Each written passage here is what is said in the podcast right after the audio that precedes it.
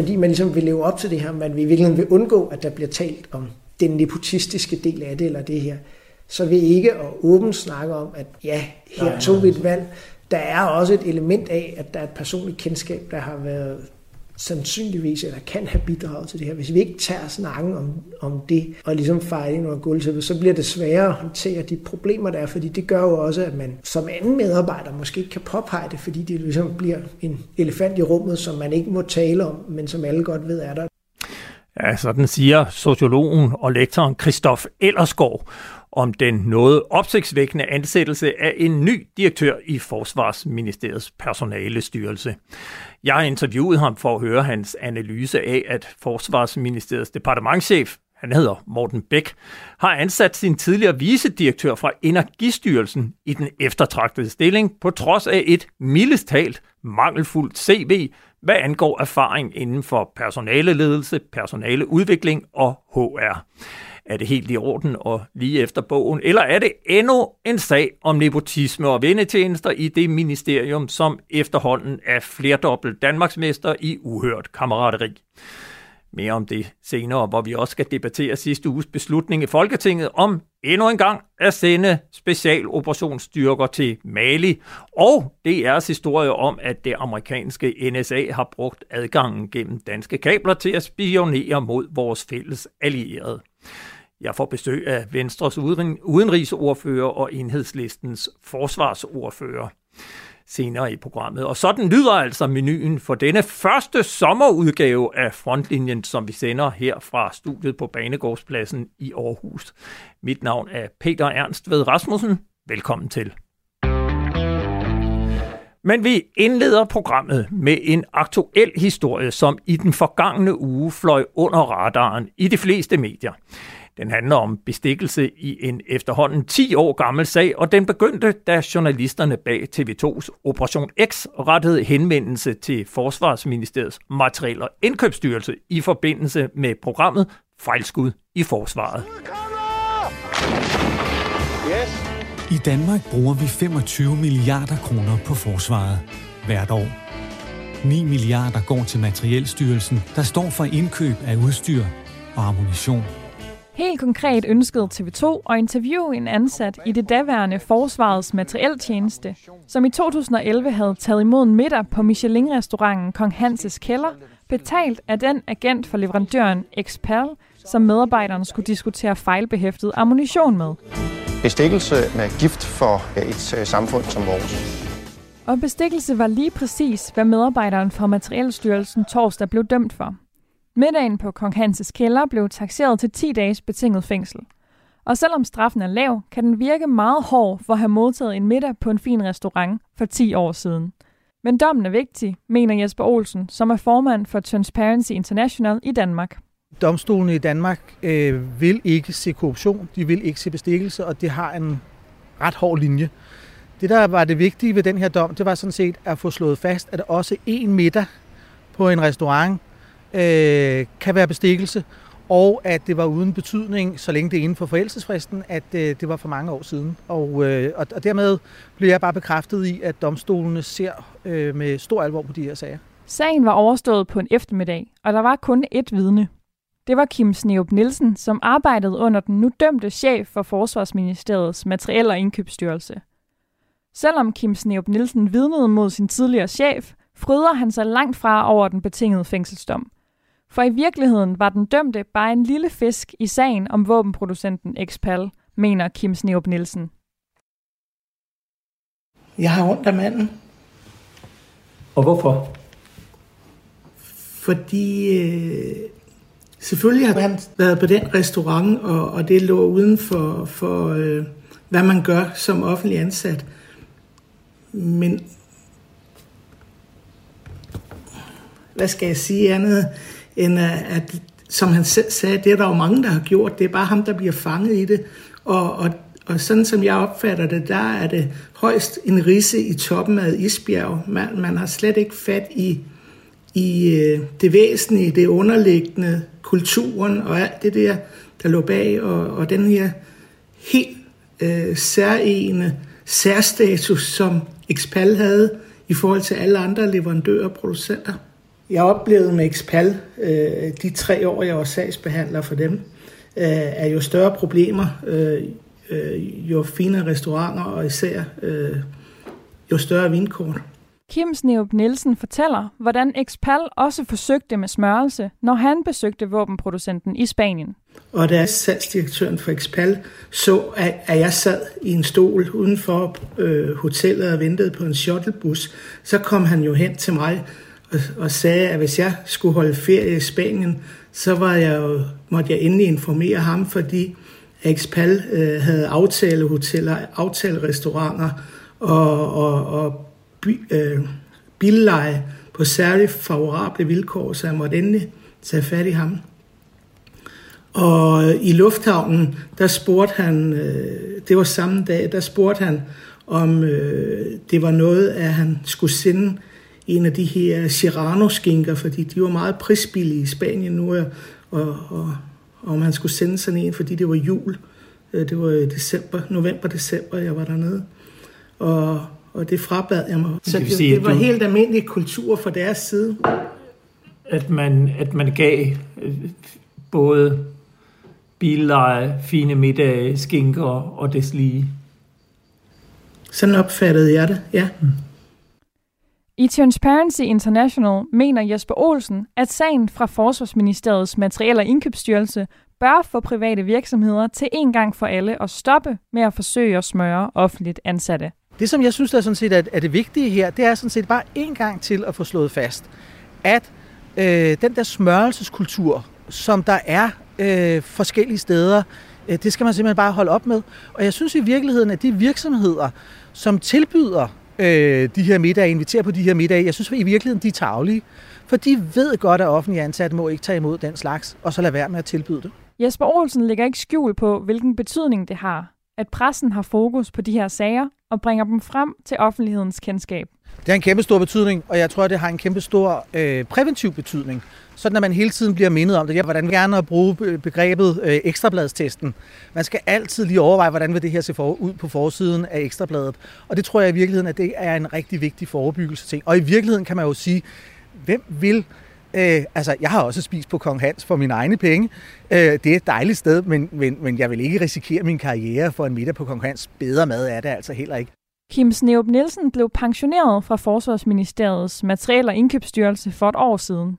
Og han understreger, at der i dag er en helt anden kultur, end den, der var for 10 år siden.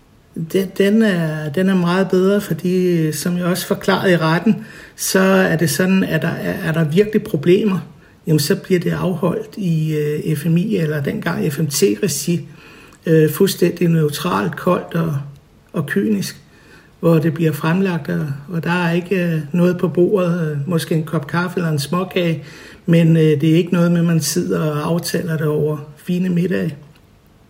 Så der er sket en øh, positiv forandring? Ja, for men på nogle områder har der ikke været noget unormalt. Det, det er som om, at nogle firmaer, de ved godt, hvor stregen går, og så er der nogle firmaer, de prøver, og, og så får de at vide, jamen det kan vi ikke deltage i, og så er der sådan et firma som Expal, de forstod det bare ikke, eller ville ikke forstå det. Vi har forsøgt at få en kommentar fra den pågældende agent, som inviterede den dømte på restaurant Kong Hans Kælder, og som i Spanien tilbød Kim Snerup Nielsen, Serrano-skinke og billig billeje, men det ikke lykkedes at komme i kontakt med ham. Vi videre til en anden historie, som handler om en opsigtsvækkende ansættelse. For halvanden måned siden fortalte Forsvarsministeriet, at den hidtidige direktør i Forsvarsministeriets personalestyrelse, hun hedder Leila Renberg, fremover skal være direktør i Beredskabsstyrelsen. Det er i sig selv ganske opsigtsvækkende, alt den stund, at Danmarks beredskab nu skal ledes af en civil jurist, i stedet for en officer fra Beredskabsstyrelsens egne rækker. Men det er slet ikke den ansættelse, som er det mest opsigtsvækkende. Nej, det er ansættelsen af Leila Renbergs afløser. I den forgangne uge kunne Forsvarsministeriet meddele, at valget er faldet på den 43-årige jurist Janni Torp Kærgaard. Hun skal nu være personalechef på statens største arbejdsplads med over 21.000 ansatte. Nu har du, kære lytter, måske en forventning om, at man som Forsvarsministeriets øverste HR-direktør har en dyb baggrund og indsigt i personaleledelse, personaleudvikling og human resources, som det hedder, menneskelige ressourcer, som det så fint hedder. Men det lader ikke lige frem til at være tilfældet med Janni Torp Kærgaard. Gennem sin karriere har hun beskæftiget sig med blandt andet, og hold nu fast, vedvarende energi og energiøer, jura og lovgivning. Hun har arbejdet med teleområdet, regulering af bilområdet, siddet med administrativ bøder på synsområdet. Hun har arbejdet med grøn transport og cyklisme. Hun har arbejdet med by- og boligkvalitet i hovedstaden, og hun har haft ansvaret for at implementere en klimastrategi i Region Hovedstaden. Hun har også haft ansvaret for loven om offentlig byggevirksomhed, for andelsboligloven og for ejerlejlighedsloven. Hun har haft ansvaret for ejendomsmælerområdet i Erhvervsstyrelsen, for landdistriktspuljen og udvikling af landdistriktspolitikken i Ministeriet for By, Bolig og Landdistrikter og siddet med arbejdsskadesager i Beskæftigelsesministeriet. Nobel, Janni Torp Kjærgaard har også været leder, men nogen faglig ekspertise inden for personaleledelse og HR har hun ikke. Men hvad har hun så? Det svarede Forsvarsministeriet skriftligt på, da jeg i sidste uge stillede en række spørgsmål til ansættelsen af Janni Torp Kærgaard. Ministeriet skriver, Janni Torp Kærgaard blev vurderet som den bedst egnede kandidat til stillingen som ny direktør for Forsvarsministeriets personalestyrelse i konkurrence med en række andre stærke kandidater. Departementschef Morten Bæk indgik i ansættelsesudvalget, da der er tale om ansættelsen af en styrelseschef, der refererer til departementschefen i Forsvarsministeriet. Morten Bæk og Janne Torp Kjærgaard har arbejdet sammen på Klima-, Energi- og Forsyningsministeriets område mellem 2017 og 2020. Morten Bæk var ansat som direktør i Energistyrelsen frem til 2018, hvor han så blev departementschef i Klima-, Energi- og Forsyningsministeriet. Janne Torp Kjærgaard har siden 2017 været vicedirektør i Energistyrelsen. Sådan skriver Forsvarsministeriet altså og forklarer videre, at der ved ansættelsen af Janni Torp Kærgaard er lagt vægt på, at den kommende direktør for Forsvarsministeriets personalestyrelse har solid ledelseserfaring på højt strategisk niveau. Aha. Så departementchef Morten Bæk ansatte Janni Torp Kærgaard som vicedirektør i Energistyrelsen i 2017, da han selv var direktør samme sted. Da han fortsatte som departementchef i Klima- og Energiministeriet, fortsatte det nære samarbejde med Energistyrelsens vicedirektør. I september blev Morten Bæk så departementchef i Forsvarsministeriet, og nu har han ansat sin tidligere vicedirektør som direktør i Forsvarsministeriets personalestyrelse. Hvis du måske, ligesom Forsvarsministeriet, har svært ved at se, hvorfor det er interessant, så har jeg her lavet et lille sammenkog af en række historier, der har præget Forsvarsministeriets område de seneste tre år. Vi begynder i TV2-nyhederne i august.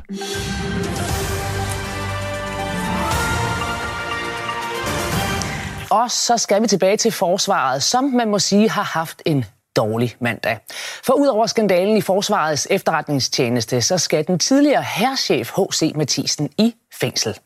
Vesterlandsret kendte ham nemlig i dag skyldig i at have forsøgt at hjælpe sin kæreste ind på en prestigefyldt uddannelse i forsvaret ved at ændre optagelseskriterierne, og i at have givet sin kæreste adgang til fortrolige oplysninger, og at forsøge at få sin kæreste ansat i en stilling som major ved at henvende sig til en underordnet oberst og det kostede ham altså i dag tre måneders fængselsstraf. Fængselsdommen ved Vesterlandsret i august mod den tidligere herrchef Hans Christian Mathisen var den forløbige kulmination på et langt mareridt i Forsvarsministeriet, som gennem de seneste par år har været i mediernes søgelys på grund af den ene historie efter den anden om embedsmisbrug, pligtforsømmelse, svindel, bestikkelse, nepotisme og vendetjenester.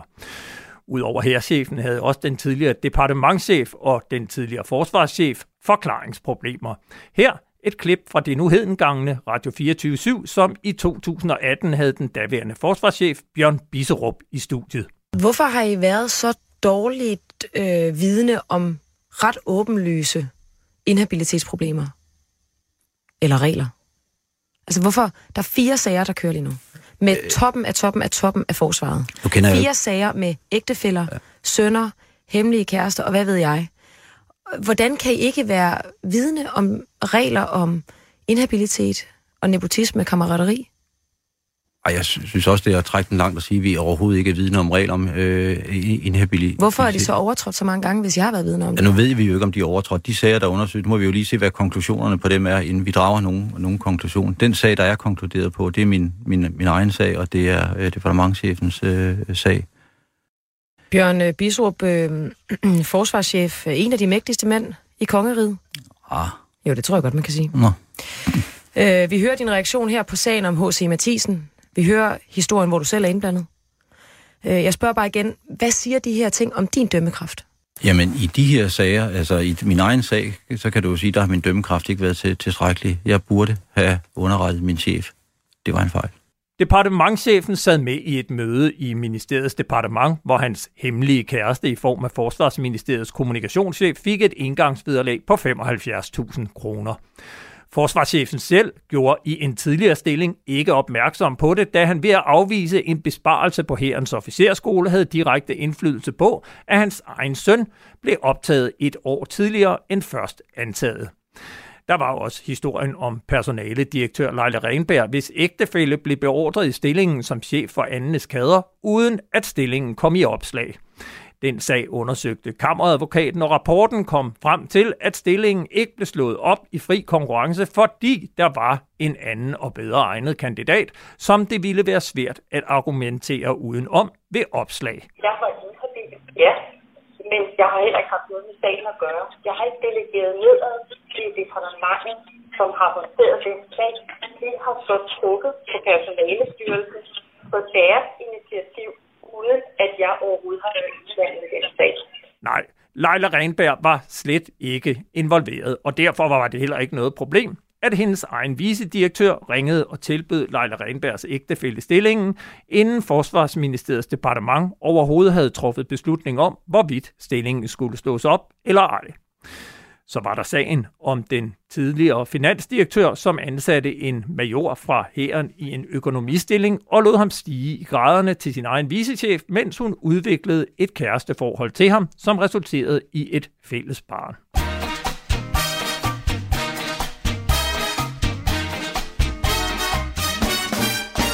Og så var der historien om chefen for Frømandskorpset, som fik koncertbilletter til Antonelli Orchestra, og til gengæld lod bandet få et oplevelsesdøgn i Frømandskorpset, for nu bare at nævne de vigtigste sager.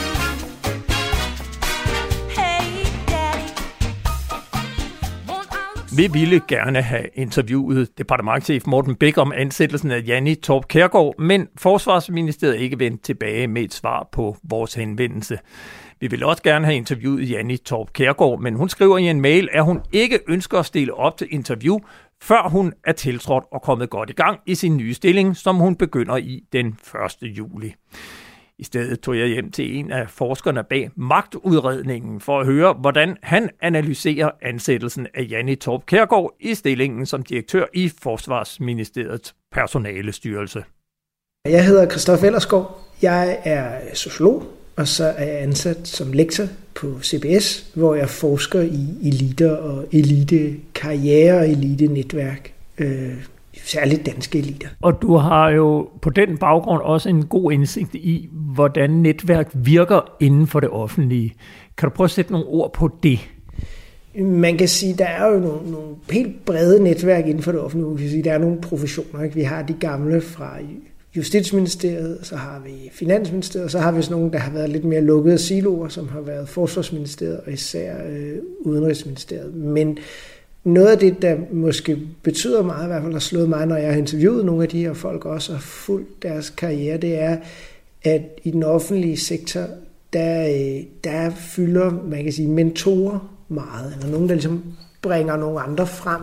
Øh, og det er måske særligt noget, der er blevet relevant i den ændring i hvad man siger, offentlig karriere, der er kommet.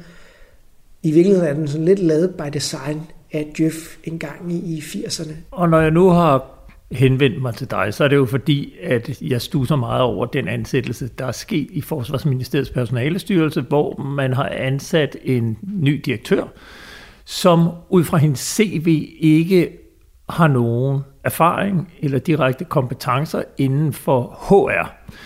Hvad slår dig, når du kigger på forløbet med Morten Bæk, der er departementchef i Forsvarsministeriet, og ansættelsen af Janni Torp Kærgaard som ny øh, direktør i Forsvarsministeriets personalestyrelse? Hvad kan sige, det der jo er tydeligt, når man kigger på deres CV, det er jo det anden gang, om man så må sige, at, øh, at øh, Morten Bæk ansætter øh, Janni Torp Kærgaard i, som sin højre hånd. Og det er jo sådan nogle ting, der på den ene side i en netværkssammenhæng giver god mening, fordi når vi skal have viden om, hvem vi gerne vil høre, eller hyre, eller have som underordnet, så kan man sige, at den information, vi har fra at kende folk person, den er jo unik god. Man kan sige, hvis man kigger på et CV, så kan man jo købe katten i sækken. Hvis du har arbejdet sammen med nogen nogle år, endda som, hvad man siger, som direktør vicedirektør, så ved du, hvad de kan. Du ved, de er dygtige, du ved, de er troværdige. Så på den måde kan man sige, fra et ledelsesperspektiv, der giver det super god mening for ham. Øhm, men man kan sige, når vi kigger på det, så kan det også have nogle, nogle afledte effekter. Det kan for eksempel jo gøre, at øh, Janne Torp Kærgaard får nogle problemer, for når du kigger ned over hendes CV, som man siger, der er ikke noget HR, der er jo heller ikke noget forsvarsministerie. Så, så risikoen er selvfølgelig, at hvis hun falder igennem som, som leder, eller når hun kommer, så er det også det, ligesom, det, er det, hun har. Og det vil jo selvfølgelig også sige, at hvis hun så ikke klarer sig godt, så er det kan man sige, så undergraver det virkelig i, i den grad hans position i organisationen også, fordi så, så kan man sige, han har, det, er jo det, det, det må jo ligesom være den personlige kendskab, der har været øh, en i hvert fald vigtig medspiller i vurderingen af, at hun var kvalificeret til at løse det her.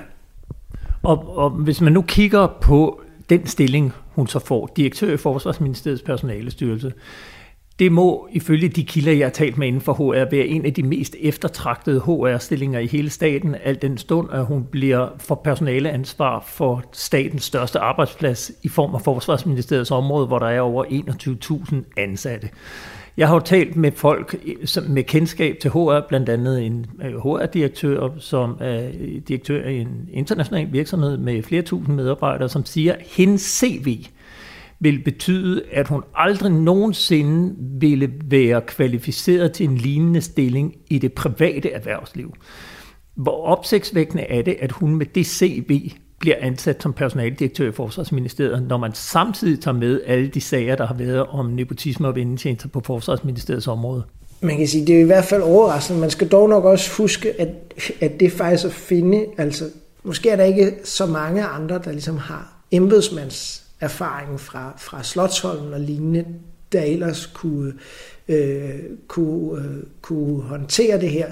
Øh, men, men omvendt vil jeg så tænke, at man kan sige, umiddelbart vil man jo så forestille sig, at så var det måske ellers en oplagt idé at hive ind i der så til gengæld har kendskab til, hvad for nogle HR-udfordringer der er i forsvaret, ved at faktisk have, have kendskab til, hvad man siger, hvad er det, hvad er det man, man, man laver, ikke også skal sætte sig ind i hele Forsvarsministeriets øh, resortområder, og hvordan det fungerer. De selvfølgelig også forestiller jeg mig som en, der ikke øh, ved særlig meget om ret specifikke HR-udfordringer, der er ved at have sendt folk i øh, aktiv tjeneste. Hvad med signalværdien? Altså, at der er nogle medarbejdere, som er evindeligt trætte af alle de der nepotisme-sager, som nu kan konstatere, at det er departementchefens tidligere vicedirektør i Energistyrelsen, som bliver ansat, og de kan jo læse ud og se ved, at hun ikke har nogen erfaring fra forsvaret. Hvilket signal sender det til forsvarets medarbejdere, når man ansætter sådan en, netop oven på alle de her andre sager, der har været? Du, du siger det jo næsten selv, ikke? At, at det er klart, det at vi overhovedet sidder og snakker os to om, det siger jo lidt om, at det ser jo ikke smart ud. Hvad man sige, hun starter jo lidt bagud på point som, som resultat af, af det her, netop fordi at der ikke vil være nogen tvivl om, at hun er hun ansat, fordi hun er departementchefens protégé, og ikke på baggrund af, at hun havde de bedste kvalifikationer til jobbet. Og igen her har vi sådan et tilfælde af, hvor du og jeg, vi kan jo ikke så vurdere, det kan være, at hun faktisk er dygtig, men problemet er, at så snart man kan regne, rejse mistanken, så bliver det netop et handicap for hende, i hvert fald som hun må adressere yderligere, når det så faktisk øh, kommer til, øh, til stykket. Og, og, og hvilke udfordringer er der ved at starte bagud på point? Man kan sige, at udfordringen ved at starte bagud på point er selvfølgelig, at, at man kan sige, at man jo risikerer at få en organisation, der giver mere modstand mod de idéer eller forslag, man har, fordi man ikke har, har, har legitimitet i, i, i, i sit bagland. Der er en anden udfordring ved det her, som du også nævner, og det er jo ligesom en mere generel udfordring omkring det her system med, at der er de her mentorer eller sponsorer, der har de her protegéer rundt omkring i, i, i ministerierne. Det betyder jo også, at der vil være nogle meget tunge embedsmænd, der har nogle folk placeret rundt omkring i ministeriet, som man så må sige skylder dem alt, eller i hvert fald skylder dem meget af deres karriere. Det kan måske dels gøre det sværere for de her mennesker at sige fra, hvis de synes, der ikke foregår noget, der er i orden, fordi de har et, et, et taknemmelighedsforhold til dem, der nu flere gange har ansat dem. Hvor stor vurderer du, at risikoen er for det i det her tilfælde? Det er jo svært at sige, men, men man kan, man, jeg tror, det er vigtigt i hvert fald ligesom at konstatere nu, at, at hvis denne her hvad man siger, ansættelsespraksis fortsætter, så skal man selvfølgelig være klar over, hvor stor en, er der ligesom en kritisk masse af folk i, i, i Forsvarsministeriets departement, som ligesom som skylder øh, den nuværende departementchef, om ikke alt, så i hvert fald en del af deres karriere. Øh, for det kan jo også skabe sådan et, et, nogle interne skillelinjer med, hvem der er Mortens drenge og piger, og hvem der er dem, der kommer, øh, dem, der har været der før, eller har en anden baggrund, og, øh, og måske også skabe sådan en, en inderkreds i, i det her, som, øh, øh, som i hvert fald noget, man er værd at overveje, og som man er nødt til at tale åbent om. Hvad sender det af signaler, når man så ikke, som du siger, går ud og fortæller åbent, hvad det er, der er foregået? Det tror jeg er med til ligesom at problematisere, eller gøre det her sværere at håndtere for organisationen, og også gøre det sådan lidt tysk-tysk på et eller andet måde. Ikke? Og, og, og det, jeg tror også her, at man nogle gange bliver for bange for, vi har jo sådan et, det vi kalder sådan en metrokratisk ideal. Vi skal altid ansætte den bedste. Men fordi man ligesom vil leve op til det her, man vil virkelig vil undgå, at der bliver talt om den nepotistiske del af det, eller det her, så vil ikke at åbent snakke om, at ja, her tog vi et valg. Der er også et element af, at der er et personligt kendskab, der har været sandsynligvis eller kan have bidraget til det her. Hvis vi ikke tager snakken om, om det og ligesom fejrer ind under gulvtæppet, så bliver det sværere at håndtere de problemer, der er, fordi det gør jo også, at man som anden medarbejder måske ikke kan påpege det, fordi det ligesom bliver en elefant i rummet, som man ikke må tale om, men som alle godt ved er der. Nogle vil jo mene, at det her sender signalet, at for at få en topstilling i Forsvarsministeriets departement, jamen så er man nødt til at kende nogen i topledelsen, og i det her tilfælde departementchefen. Hvad betyder det for den måde, man ser på Forsvarsministeriet? Det kan jo have den det problem, at, at, at folk jo så kan blive i tvivl om, om de kan gøre karriere, der bare, bare på baggrund af, hvad man siger, deres egne personlige øh, meritter. Eller...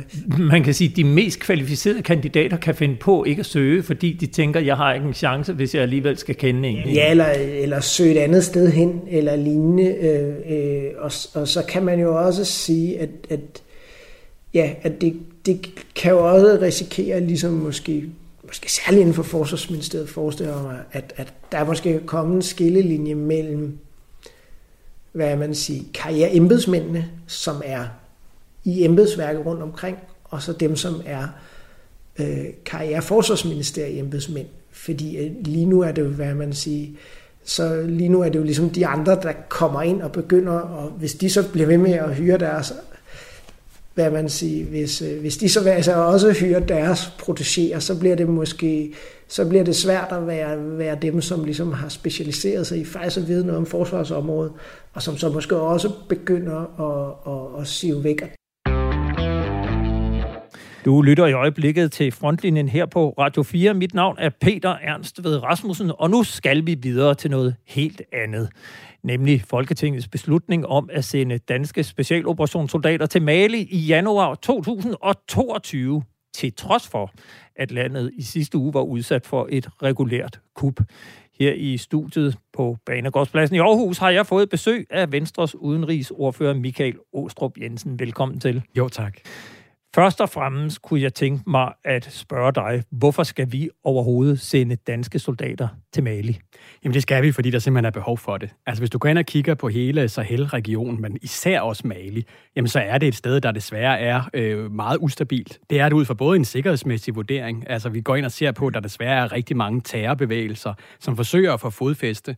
Og hvis de får lov til at få fodfæste, så skal vi ikke glemme, at det kan jo betyde, at de får træningslejre, hvor de kan træne terrorister op, som kan lave mål i Europa, Europa, deriblandt mod danske interesser.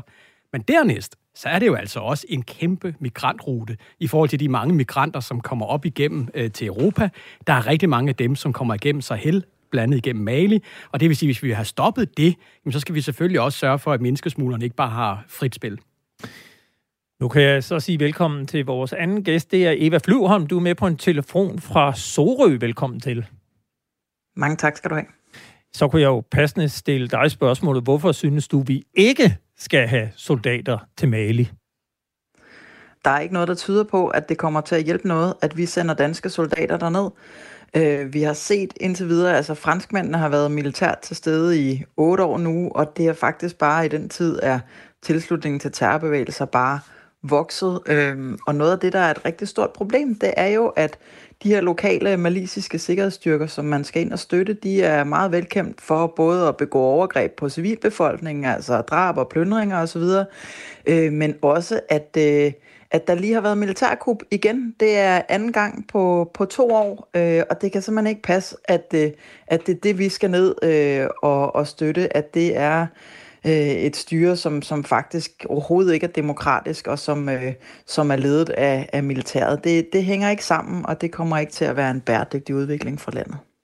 Vi skal snakke meget mere om missionen i Mali om et øjeblik, men først skal vi lige høre en dukfrisk opdatering på, hvad det er, der helt aktuelt sker og lige er sket i Mali. Min kollega Miriam Legaard Jacobsen har ringet til Frankrig, som er det land, der står i spidsen for Operation Barkhane. Hello, this is Miriam from Radio 4. Yes. And this is Caroline. This is Caroline, yes. So could I have you start by introducing yourself? I'm Caroline uh, Rossi.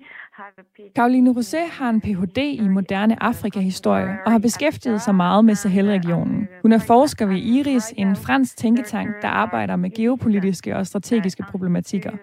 Og så sent som i forrige uge var hun i netop Mali, hvor der for en lille uge siden skete noget med præsidenten og premierministeren. Jeg spørger hende, hvad der skete. They were arrested and they were taken to Kati, a military camp. It's uh, the, the vice president. Så præsidenten og premierministeren blev altså arresteret, og bagmanden var vicepræsidenten, en markant militærmand. Kort forinden havde regeringen besluttet sig for at omrokere nogle ministerposter, og det var vicepræsidenten ikke tilfreds med, så han besluttede sig for at kuppe magten. For helt at forstå det her, kræver det nok lidt forhistorie. Tilbage i august stod selv samme vicepræsident nemlig for et militærkup af Malis regering. Men fordi internationale aktører troede med sanktioner, blev der på det tidspunkt oprettet en regering, som skulle lede landet frem mod demokratisk valg næste år. Den regering, der nu er blevet afsat. Jeg spørger Caroline Rosé, hvad de nye begivenheder egentlig betyder for Mali. Et land, som allerede har været præget af terrorgrupper og ustabilitet. It, mean, uh, it means that uh, the situation uh, will be more complicated than, than it was. The, the biggest difference uh, is the, the fact that there is uh, no, no more go- government. Uh, right now, uh, the Assimi Goïta, the one who make the coup, said that he will govern, but uh, we don't know Det her gør situationen endnu mere ustabil. Lige nu er der ingen regering i Mali, og vicepræsidenten har taget styringen. Men vi ved endnu ikke, hvad det internationale samfund kommer til at sige til det. Og det, der især er alvorligt, er, at man endnu ikke ved, hvem der bliver taget med ind i den her nye regering, som vicepræsidenten står bag. It's uh, quite serious because nobody knows who will enter in this new government. Uh, Men de folk i landet, som Caroline Rosé har talt med, snakker om, at landet meget vel kan blive til en islamisk republik på baggrund af den her udvikling. Most of the Malians they were quite familiar with the idea that their country could could uh, transform in a, into an Islamic republic. Jeg spørger hende, hvad Frankrig har tænkt sig at gøre. De står nemlig bag Operation Barkhane, en stor militærmission i området, som også er den, Danmark bidrager til. For the French, uh, right now we don't know what could happen if uh, Emmanuel Macron will decide to stay in the Sahel or in the Mali or not. Den franske præsident Emmanuel Macron kan altså finde på at trække de franske tropper hjem, men intet er besluttet endnu. Det hele er endnu meget uvist. Uh, we, we have no idea right now about that. Ja, altså således øh, Caroline Rosé fra Iris i Frankrig. Michael Ostrup Jensen, som vi lige hører, så har der lige været kub i Mali. Hvordan skal danske soldater kunne operere sammen med i virkeligheden et uh, diktatur, en, en islamist, eller, eller hvad det nu er, der er i Mali? Vigtigt at uh, sige, at det er jo de danske tropper jo først kommer der ned i starten af det nye år. Øh, og derfor skal vi selvfølgelig bruge de næstkommende måneder til at være i dialog øh, med øh, myndighederne, finde ud af, om de løfter, de har givet tidligere med, at de vil holde et demokratisk valg inden for otte måneder, om det stadigvæk er et løfte, om de stadigvæk er lige så pro-vestlige, som er den forventning, vi har, og generelt, hvad er deres intention, hvad er det for nogle holdninger, de har. Jeg kan i hvert fald sige det klart, at vi selvfølgelig ikke sender danske soldater afsted til en mission, hvis ikke vi er stensikre på, at der er så høj en grad af sikkerhed og en så høj grad af vidshed for, hvad det er, vi gør. Mm. Men det tror jeg også godt, vi kan få. Øh, nu har Eva og jeg jo faktisk været sammen på en delegation øh, til øh, øh, Mali for år tilbage, som jeg ledte. Øh, og der øh, kunne man jo se med egne øjne, at vi var også oppe i den nordlige del af Mali og så videre, at hvis ikke der er en eller anden form for militær tilstedeværelse af både FN, som er sådan lidt mere stabiliserende, men også i forhold til Operation Barkhane, jamen så vil alternativet jo være præcis det, som er skrækscenariet. Det er, så bliver det en failed state, som det jo hedder på nudansk, som er eller Libyen eller noget andet. Og derfor så er det erkendelsen. Det er en hård mission, der er politisk ustabilitet og alt muligt andet, men problemet er bare, at alternativet er værre. Og det er jo det, vi hele tiden skal sætte op imod. Har han ikke en pointe, Michael Åstrup Jensen, når han siger, at risikoen ved ikke at gå ind, det er en failed state, altså en, en stat, som risikerer at ende som en islamistisk stat, Eva Flyvholm? Man er simpelthen nødt til at forholde sig til, at det, der skal til, hvis man sådan mere langsigtet skal bekæmpe årsagerne til terrorisme, det er jo, at der skal ske nogle politiske forandringer i landet. Altså, at der både skal komme noget mere demokrati for befolkningen, og også at de her meget, meget voldsomme angreb på civilbefolkningen, vi har set rundt omkring, at de skal altså stoppes. Og det er lige præcis nogle af de sikkerhedsstyrker, som danske soldater, de står til at skulle ned og træne, som er bag det her. Vi ved faktisk, at det er noget af det, der er med til at give opbakning og medvind til terrorgrupperne lige nu. Det er de politiske problemer, og det er overgrebene på civilbefolkningen. Så hvis man vil undgå, at det her det bare bliver værre og værre, så bliver man altså nødt til at holde op med at støtte kubmager og overgrebsmænd. E- Eva Flyvholm, øh, har Michael Åstrup ikke en pointe i det her med, at hvis vi ikke sender soldater ned, som rent faktisk kan hjælpe med at holde landet på ret kurs, jamen så risikerer vi bare, at Men det altså, bliver endnu også... værre.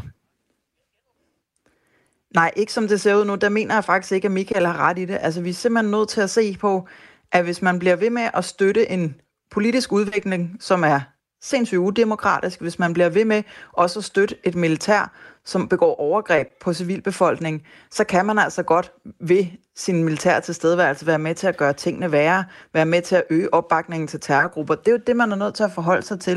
Det er jo også noget af læren fra Afghanistan faktisk, at det var noget af det, der kunne give rigtig store problemer, og som man er nødt til at have en meget mere klar analyse af, end man har nu. Men det er som om, at man ikke har lært det nødvendige af Afghanistan, og man er i gang med at begå altså de samme eller endnu værre øh, fejl i Mali. Så, så det kan ikke nytte noget, nej, at man bare, øh, bare kører på og siger, jamen det er fuldstændig ligegyldigt, hvad fanden det er, vi støtter militært, øh, bare vi er til stede. Det er jo ikke sådan, verden fungerer. Der skal en politisk forandring til, hvis man skal komme de her terrorister mere øh, grundlæggende til livs, fordi vi kan se nu, at terrorbevægelserne Men... popper op alle steder, altså i største områder dernede. Ikke? Men Michael Ostrup Jensen, øh, vi har ikke lært noget af Afghanistan og er ved at begå fortidens fejl en gang til. Hvad siger du til det? Jamen, det er jeg jo enig i. Altså, fordi hele lærdommen i forhold til tidligere missioner, der er blandt Libyen ikke mindst, det er, at det skal gøres tostrenget. Det vil sige, at vi selvfølgelig sender danske soldater ned, som har reelt... Og vi skal måske lige opdatere, altså Libyen, Libyen var i 2011, mm. hvor det internationale samfund, inklusiv danske kampfly, mm. rykkede ind og afsatte øh, diktatoren Muammar Gaddafi. Ja, vi hjalp i hvert fald til det. Ja, vi, vi, vi, vi gjorde vores i hvert fald, og, og det er jo i hvert fald et land, der i dag ligger i ruiner. Korrekt. Korrekt, og, og jeg havde selv muligheden for at være i Libyen to gange under borgerkrigen, så det er forfærdeligt, hvad der er, der er sket nu. Og præcis den lærdom, den har det, vi gør i forhold til Mali. Fordi der er det jo, at vi til forskel for Libyen, der er vi også øh, i hele spørgsmålet om udviklingspolitik. Altså øh, lige siden VLAG-regeringen, altså den tidligere regering, men også den nuværende regering, så har vi som Mali som et af de absolut største udviklingsprojekter overhovedet i Afrika. Vi er rigtig meget til stede i at få øh, bygget alle de institutioner op, som Eva jo efterspørger. Altså vi sørger for, at landet har en demokratisk forståelse forståelse mere og mere. Vi bygger op i forhold til, at der er private jobs og alt sådan nogle ting, som er nødvendigt for at få et land til at fungere. Og sidst men ikke mindst, så de danske soldater skal jo ned og træne de her malisiske soldater. Det er jo ikke kun i, hvordan du slår ihjel, men det er jo også i, hvordan du opfører dig som soldat. Altså, hvad er krigens love og alle sådan nogle ting? Det er jo en integreret del af den uddannelse, som de danske soldater skal give.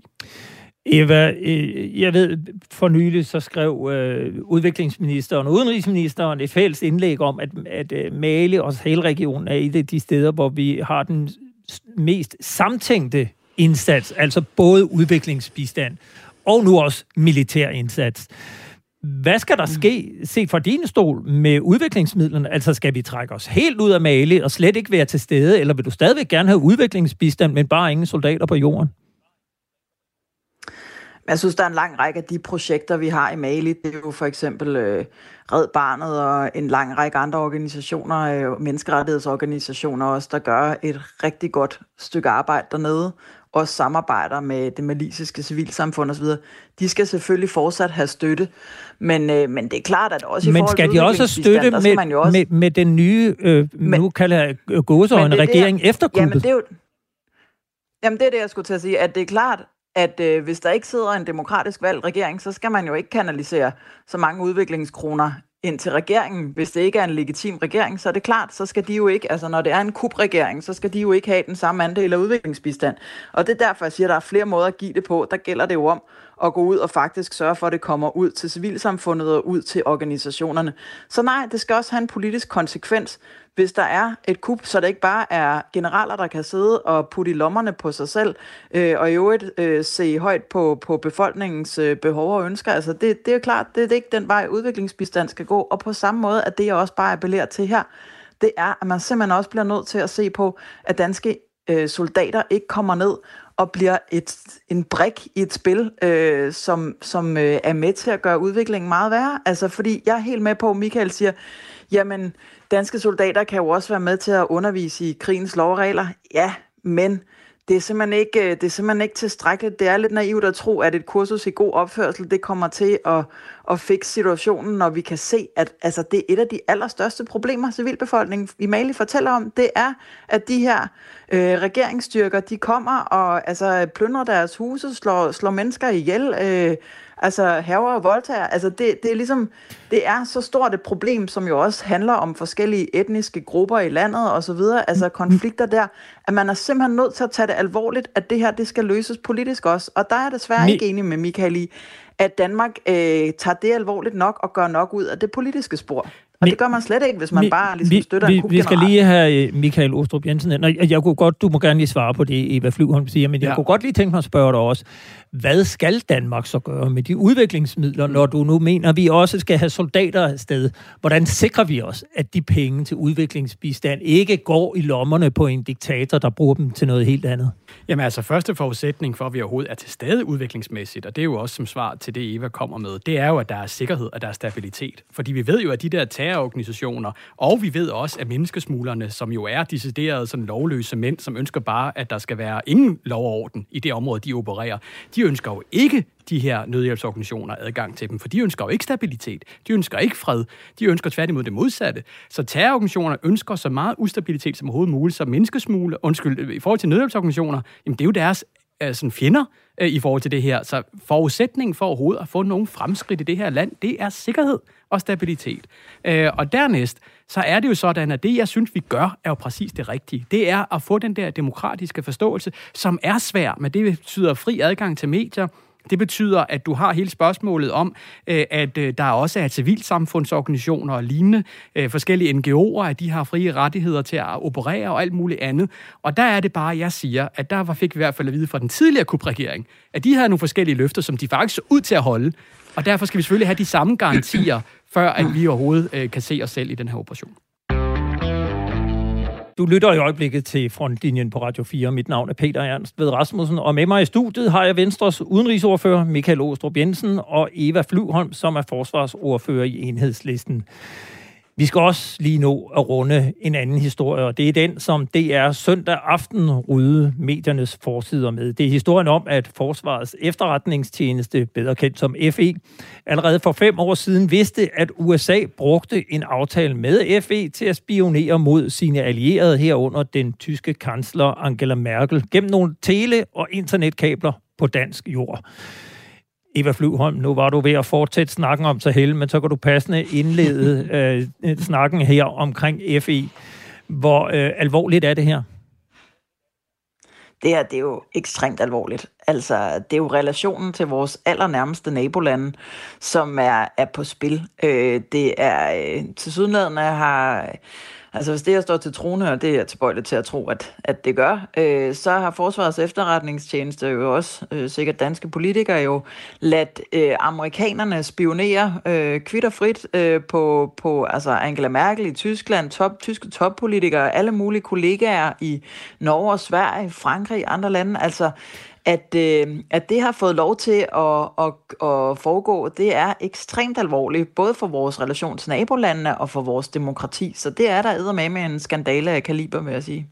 Man kan sige, det er jo ikke nyt, at der USA har spioneret mod Angela Merkel. Det kom frem allerede i, jeg mener, det var 12-13 stykker. Øh, så det nye her, det er vel egentlig udelukkende, at vi nu ved, at det så er foregået gennem danske kabler. Jeg kunne godt tænke mig at spørge dig, Michael mm. Ostrup Jensen, som udenrigsordfører for Venstre. Hvor alvorligt mener du, at det her det er? Altså hvis du tænker på, hvor, hvor højaktuelt det er, så er det jo et godt spørgsmål. Fordi det, der er kommet frem nu, det er jo reelt gamle oplysninger. Det er noget, der skulle have foregået i uh, 13-14. Uh, og derfor er det jo spørgsmål, det er, om det så er stoppet, eller det ikke er stoppet. Og det, jeg i hvert fald hæfter mig ved, det var, at præsident Obama gik ud på det pågældende tidspunkt og sagde, at selvfølgelig skal venner ikke spionere mod venner, og at han har taget øh, hånd om det internt i systemet, sådan at det kun er mod øh, folk, som der er, skal vi sige, en sikkerhedsmæssig vurdering af, at de kan være potentielle øh, nødvendige at spionere imod. Og den garanti skal vi jo i hvert fald også have bekræftet endnu en gang, øh, at amerikanerne selvfølgelig står ved, øh, at øh, ja, man kan godt spionere mod fjender og potentielle fjender, men mod venner, der spionerer man selvfølgelig ikke. Og det er så ligegyldigt, om det er via et dansk kabel, eller det via alle mulige andre måder. Øh, og, og derfor så er jeg egentlig forholdsvis rolig øh, i baggrund af de oplysninger, der er, fordi jeg har faktisk en forventning om, at amerikanerne selvfølgelig holder det, øh, som præsident Obama lovede. Det lyder heller ikke, som om du er særlig overrasket. Nej, det er jeg ikke. Altså, øh, og, og, og derfor øh, siger jeg jo ikke, at det er okay, at man spionerer mod Angela Merkel øh, eller noget som helst andet, fordi det er, gør, er overhovedet ikke okay. Øh, men jeg har bare en klar forventning om, at det her det er reelt, reelt gamle oplysninger, og verden ser markant anderledes ud i dag. Øh, og det er jo derfor, at det er det, jeg hæfter mig ved. Øh, Eva Flyvholm, mm, som Michael Åstrup Jensen siger, så er det, der jo kommet frem alene, at den øh, aflytning og den spionage, der foregik mod blandt andet Angela Merkel, og så i øvrigt også politikere fra, som vi forstår det, Frankrig, Norge og andre tyske politikere. En gammel sag. Øh, og du kalder det nu en, en stor skandale, men er det i virkeligheden ikke også at overdramatisere noget, som er en meget gammel historie, vi bare har fået et lille lag ekstra afdækket af i den her historie? det er bestemt ikke at overdramatisere noget. Og jeg har lige snakket med nogle af vores svenske og norske kollegaer, og jeg kan godt sige dig, at de, de tager det altså også meget alvorligt det her, fordi det handler jo helt grundlæggende om, om man kan have tillid til Danmark øh, som land. Øh, det, er jo, øh, det er jo helt centralt også, at nu siger Michael, om amerikanerne har sagt, at øh, nu, nu gør de det ikke mere, eller sådan, altså, for det første, det vil jeg ikke øh, tage som en særlig betryggende garanti, men det helt centrale her, det er jo, hvad gør vi i Danmark? sørger vi rent faktisk for at løfte vores ansvar over for vores nabolande og få lukket ned for det her, hvis det stadigvæk foregår, og sørger vi for, at det bliver undersøgt ordentligt. Og det er jo helt ekstremt aktuelt lige nu, fordi vi har haft, vi har set et væld af skandaler i forhold til Forsvarets efterretningstjeneste. Der er lige blevet nedsat sådan en kommissionsundersøgelse her for her inden jul, og altså det centrale her, det er jo bare, jeg kan jo også høre både øh, sådan øh, justitsministeren og forsvarsministeren går rundt og mumle lidt om, at nah, men der bliver jo nok undersøgt noget i den der kommission. Problemet er bare, at vi har ingen garantier, vores naboland har ingen garantier for, at det her spørgsmål om spionage vil blive undersøgt ordentligt i den kommission. Men hvad skal der så for ske det har nu? vi nemlig ikke kunne få nogen. Ja, så jeg synes da, at det er helt oplagt, det er, nu har jeg indkaldt justitsministeren og forsvarsministeren i samråd, og det første, de skal gå ud og gøre, det er jo selvfølgelig at garantere vores nabolande, og i øvrigt også, også her i Danmark, at det her spørgsmål om spionage, det vil blive undersøgt ordentligt, og at det vil få nogle konsekvenser. Fordi hvis ikke de kommer med den slags garantier, så kan vi jo overhovedet ikke regne med, at der nogensinde bliver kigget på det her. Og så er man jo tilbage ved at tænke, nå ja, okay, vil danskerne ikke gøre hvad som helst, for ligesom at tækkes amerikanerne, og herover også være klar til at krænke vores nabolandes øh, politikere og deres privatliv.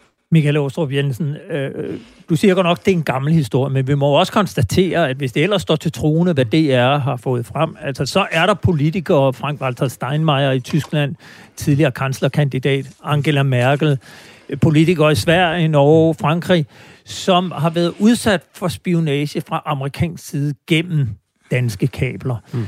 Hvad mener du, at der skal ske nu? Hvordan bør man reagere, når sådan noget så kommer til offentlighedens kendskab? Jamen, så skal vi bruge de organer, vi har øh, til at håndtere sådan noget. Fordi alle er respekt for, at Eva, hun tager det op i et samråd, hvor der, jeg går ud fra, det er et åbent samråd. Der vil man jo ikke få noget som helst at vide, fordi der er jo øh, øh, hemmelighed øh, i forhold til, hvordan vores efterretningstjeneste selvfølgelig arbejder. Og det tror jeg, alle danskere har en forståelse for, at vi kan ikke fortælle vores potentielle fjender, øh, hvordan det fungerer. Så det, vi kan gøre i stedet for, og det er det, jeg har taget initiativ til, det er, at vi får det op igen øh, i Udenrigspolitisk Nævn øh, og diskutere, hvor jeg er næstformand. Øh, vi har allerede i formandskabet, øh, Martin Lidegaard og undertegnet, øh, fået forskellige orienteringer øh, omkring det her, jeg ikke kan komme ind på desværre. Øh, og så selvfølgelig ikke mindst i forhold til det kontroludvalg, der er i Folketinget, øh, i forhold til efterretningstjenesterne. Der har vi vores medlem, Preben Bang Henriksen, og ham tager jeg en snak med i morgen om, hvordan og hvorledes øh, øh det skal tages op der. Og det vil jeg selvfølgelig ikke kunne høre noget om, fordi det er et meget, meget fortroligt udvalg, men så har jeg i hvert fald en forventning om, at det bliver håndteret der også. Hvad tror du, at det her får af konsekvenser for Danmark? Internationalt set? Jamen, det kan potentielt få rigtig store konsekvenser. Ikke mindst, fordi nu bliver der jo tegnet lidt et billede af, at danskerne bare øh, skulle have sådan åbnet op for øh, godteposen og sagt til amerikanerne, de må alt. Og der bliver jeg bare nødt til, og det er ikke noget hemmeligt, jeg fortæller nu, men det er jo åbne kilder. Øh, øh, det er jo, at der jo også er kommet frem, at helt tilbage dengang, som jo er været syv år siden nu, øh, det er, at måske amerikanerne gjorde det udenom Danmark, altså uden bag Danmarks ryg. Øh, og det blev der lavet forskellige undersøgelser af, det er jo det, Danmarks Radio afslører, øh, hvor at FE går ind og gik ind og vurderede, er det rigtigt, og så videre. Og ifølge Danmarks Radios afsløring, jamen så var det jo, at FE fandt ud af, at det gjorde amerikanerne bag om Danmarks ryg. Øh, og derfor har jeg selvfølgelig en forventning om, at dengang tog man fat på det, og sørgede for, at amerikanerne ikke gjorde det igen, og man også lavede om på de interne procedurer i FE. Eva Flyvholm, hvad får det her konsekvenser for, øh, for Danmark, og ikke mindst efterretningstjenesten mulighed for at agere internationalt? Men der er der ekstremt store konsekvenser for Danmark, især i forhold til samarbejdet for, med vores nabolande. Og det er jo også derfor, jeg kalder på, at det her skal håndteres på en ordentlig måde. Og det er simpelthen noget pjat, når Michael siger, at ah, der er hemmeligheder for, forbundet med efterretningstjenesten. Ja, det er der. Det er heller ikke det, jeg beder om, skal lægges offentligt frem.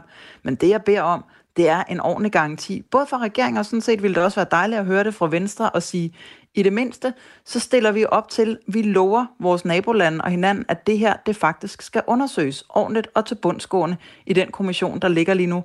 For det er ikke sådan. Det er ikke det, der er på tegnebrættet. Lige til videre, der har man simpelthen lavet et kommissorie for det, der skal undersøges. Der er så hemmeligt, at vi ikke engang kan få at vide, hvad det er, der skal undersøges. Og de gange, vi har spurgt justitsministeren, kom on, lov os nu, at der i det mindste bliver taget hånd om det her med, at der bliver kigget på spørgsmålet om spionage. Det har han ikke vil give os en garanti på, og det er ikke hemmeligt. Det har tilsynet med efterretningstjenesterne været ude og sige, her er et problem, og så må man sådan set også demokratisk stille op og i hvert fald love, at det er noget, der vil blive undersøgt. For ellers kan vores nabolande ikke have tillid til os, og det mener jeg sådan set heller ikke, at den danske befolkning kan. Vi ved jo heller ikke, om det her det rent faktisk blev stoppet, eller hvad det fik af konsekvenser, det kan vi jo heller ikke rigtig vide, og vi kan ikke engang vide, om der er nogen, der øh, ulejliger sig med at undersøge det. Det er simpelthen så utilfredsstillende rent demokratisk, at det kan vi ikke være tjent med, og det kan vores naboland jo heller ikke være tjent med. Jeg synes bare lige vigtigt at slå fast, jeg har ikke noget i de åbne kilder, øh, som overhovedet skulle indikere, at efterretningstjenesterne har opereret på egen hånd. Altså, det synes jeg er vigtigt at holde fast i. Det, der er i åbne kilder, at amerikanerne dengang, for mange år siden, måske har gjort noget bag Danmarks ryg, men i forhold til de danske efterretningstjenester, der vil jeg bare lige sige klart, at jeg har fuld tillid til det, og det har jeg også efter det her øh, afsløring i Danmarks Radio. Det var, hvad vi nåede i Så ville denne... det jo være godt, hvis du bare sørgede for at blive undersøgt. Det er jo præcis det, jeg også har sagt, Eva. Altså det er, at kontroludvalget skal selvfølgelig have kigget på det, og vi skal også have snakken i Udenrigspolitisk Nævn, hvor du også selv sidder i. Så der kan vi jo også diskutere videre. Det var, hvad vi nåede i denne udgave af Frontlinjen her på Radio 4. Jeg vil gerne sige tak til mine to gæster, forsvarsordfører Eva Fluholm fra Enhedslisten, som var med på en telefon fra Sorø, og her i studiet på Banegårdspladsen i Aarhus var det Michael Ostrup Jensen, som er udenrigsordfører i Venstre. Tak til jer. Programmet blev lavet i samarbejde med journalist Miriam Legård Jacobsen. Har du ris, ros eller gode idéer til emner, som vi bør tage op, så kan du kontakte os på frontlinjen snablag radio4.dk. Husk også, at du kan lytte til alle tidligere programmer som podcast i din podcast player eller ved at besøge radio4.dk-frontlinjen. Vi er tilbage på næste tirsdag kl. 11.05 på glædeligt genhør.